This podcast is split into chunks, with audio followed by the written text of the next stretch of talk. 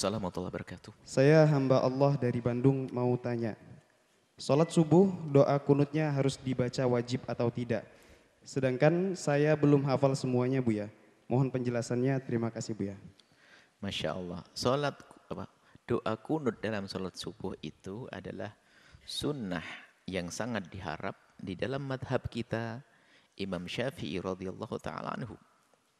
Madhab lain mengatakan tidak sunnah seperti madhab Imam Abu Hanifah. Jika ada orang tidak kunut lalu katanya dia ingin ikut Imam Abu Hanifah, ya orang benar baik, nggak salah.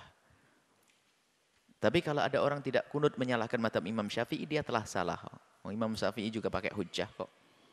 Jadi kalau ada orang tidak kunut mengikuti Imam Abu Hanifah, taklid Imam Abu Hanifah adalah benar. Tapi kalau dia ikut kunut, dia meninggalkan kunut lalu mencaci yang kunut, dia salah. Karena Imam Syafi'i dengan hujah-hujahnya. Nah, kunut itu doanya adalah doa kunut jelas Allah mahdini fiman hadait wa afini fiman afait sampai akhir.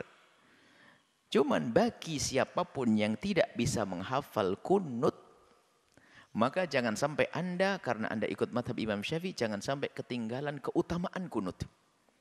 Maka Anda bisa membaca doa apa saja. Barangkali karena Anda takut diketahui tidak hafal, ya jangan keras-keras deh. Baca aja Rabbana atina fid dunya hasanah. Jadi Anda tetap berdiri untuk kunut. Jadi kami perlu sampaikan dan perlu kita berpegang dengan madhab supaya kita tidak gampang terombang ambing. Biarpun setelah itu kita mandang madhab lain adalah benar.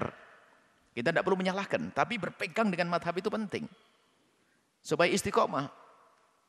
Jangan sok tahu, oh ini mahal ini saya, saya bisa begini. Tidak. Anda sekali lagi syafi'i, kunut adalah sunnah. Bukan wajib, tapi sunnah. Tapi sangat dihimbau. Maka dalam keadaan apa pun, hendaknya Anda tetap kunut. Kalau Anda tidak hafal, Anda baca doa yang lain. Doa apa saja. Nama kunut artinya juga mengadu, memohon. Doa Termasuk di antara ada doa Rabbana atina fid dunya. Bahkan kalau jadi imam pun karena dia nggak hafal kunut, hafalnya Rabbana atina ya sah-sah saja kok. Dan jamaah nggak usah protes itu tahu bahwa imamnya karena nggak hafal. Tapi mendapatkan pahala sama. Jadi jangan sampai ada yang meninggalkan kunut.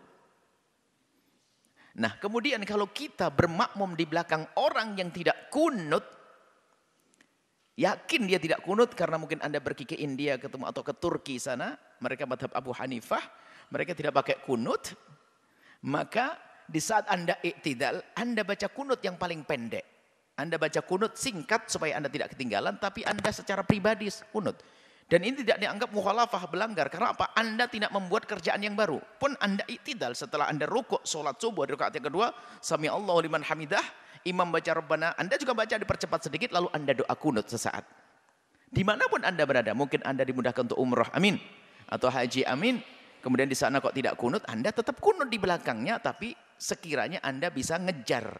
Nah, ini kesunahan Anda tetap dapat dan Anda tidak berbeda, tidak melanggar kepada kepada sang sang imam kunut ya. Tapi kalau ada imam tidak tasyahud tani, tasyahud yang kedua gak boleh ikut. Karena apa? Anda akan mukhalafah yang terlihat. Anda akan melanggar. Imamnya berdiri kok kita duduk waktu tasyahud. Tasyahud kan sunnah. Tasyahud sunnahnya sama dengan sunnah, sunnah kunut. Nama sunnah abad. Maka kalau kunut kita membaca di belakang imam. Kalaupun imam tidak membaca, kita membaca. Dipercepat. Yang enggak hafal tadi baca Rabbana atina fid dunya hasanah wa fil Oh enggak akan ketinggalan. Enggak akan terlalu lama. Bahkan imam belum sujud sudah selesai kok kita. Bahkan waktu sami Allah liman hamidah kita baca cepat Rabbana. Lakal hamdu. Itu dan seterusnya. Kemudian setelah itu baca doa kunut ringkas, begitu ya. Jadi karena ini, ini berpegang madhab itu penting. Kenapa? Supaya kita tidak gampang terombang ambing. Fanatik madhab tanpa menjelekkan orang lain itu penting. Karena fanatik itu sebagai orang awam harus berpegang. Kalau enggak gampang bingung nanti. Loh kok begini? Begini, begini. ya Enggak. Imam itu adalah orang-orang hebat. Imam Abu Hanifah di saat Madhab Hanafi di saat mengatakan tidak ada kunut dengan hujah yang kuat. Tapi tidak boleh saling mencaci. Bahkan antara Abu Hanifah dengan Madhab Syafi'i juga akrab sekali kok. Ulama-ulama diskusi yang baik. Yang yang ribet itu kan si kecil yang kecil-kecil itu suka caci maki. Di kalangan ulamanya biasa diskusi yang bagus. Baik seperti itu ya. Anda di Indonesia, madhab Imam Syafi'i, maka Anda baca kunut. Kalaupun Anda tidak hafal kunut, Anda bisa baca doa yang lainnya, doa apa saja. Khususnya doa Rabbana atina fid dunya hasanah sampai selesai. Itu saja. Wallahu a'lam bisawab.